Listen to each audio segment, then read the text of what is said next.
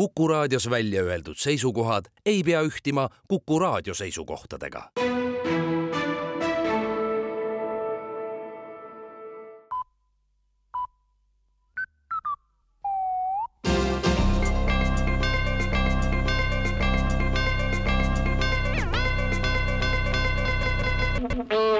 uudised on eetris ja stuudios Rohke Debelak sel kevadel läheb Eesti üle suvaajale, annab valitsus teada, iga inimene võib iga päev kella keerata mõlemas suunas nii palju arv tunde, kui tal isiklikult tarvis on. ajaline surve on kasvanud aasta-aastalt ning järjest enam on inimesi, kes tunnetavad, et aega ei jätku enam pea millekski. ainult töö ja vajalikud asjatoimetused ja kohustused ning ööpäev ongi läbi saanud, magada ega lähedastega suhelda ei ole saanud hetkegi enesearendamisest kultuurilises ja tervislikus plaanis rääkimata. Riik aga on juba pikemat aega katsetanud suvaaja kasutamist ja paljud vajaminevad otsused on kas tagasi lükatud või edasi lükatud või vahelduseks lihtsalt eh, hoitud seiereid paigal ja see praktika on ennast üldjoontes õigustanud, midagi erilist ei ole ju juhtunud.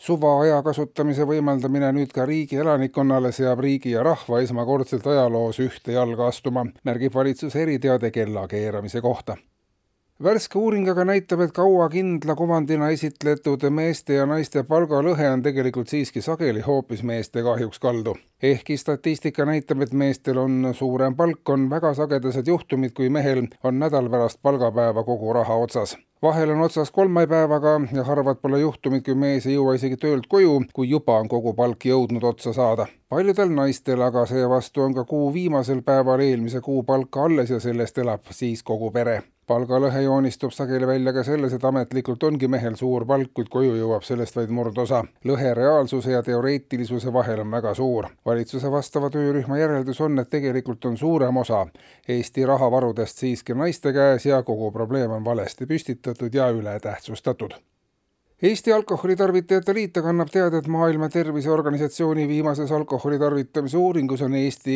kohta hulgaliselt esitatud valeandmeid. isegi korrigeeritud arvutustulemus kaksteist koma seitse liitrit puhast alkoholi inimese kohta aastas on solvang. Kohalikul tasemel läbi viidud uuring näitab lausa vähem kui üheksa liitrist keskmist aastatarbimist ja see on juba liig mis liig. alkoholitarvitajate liidu sõnul on nende liidu liikmete hulgas hulgaliselt neid, kes tarvitavad mainitud kogused ära kuu jooksul ja vähe pole neidki, kellele selline tulemus tähendab vaid kahe nädala tarvitamist. näidata Eesti inimest taas laisa ja konkurentsivõimetuna on kahjuks reegliks kujunev solvamine, märgitakse Alkoholitarvitajate Liidu märgukirjas ja lõpetuseks majandusest. uuringud näitavad, et kõrge kütuse hind ei ole tavatarbijate käitumist mõjutanud ja sõitmist ei ole vähendatud. seoses sellega lõpetavad ka tanklad kütuse hinna kuvamise tanklate tabloodel üldse, sest see tekitab ainult lisapinget ja stressi. tarbija näeb ekraanilt tulevikus ainult liitrite hulka, mis paaki läks siis paneb ta kaardi masinasse, vajaminev summa võetakse arvelt maha. kui selline taktika tanklate puhul töötab, siis võtab selle üle ka kogu muu jaekaubandus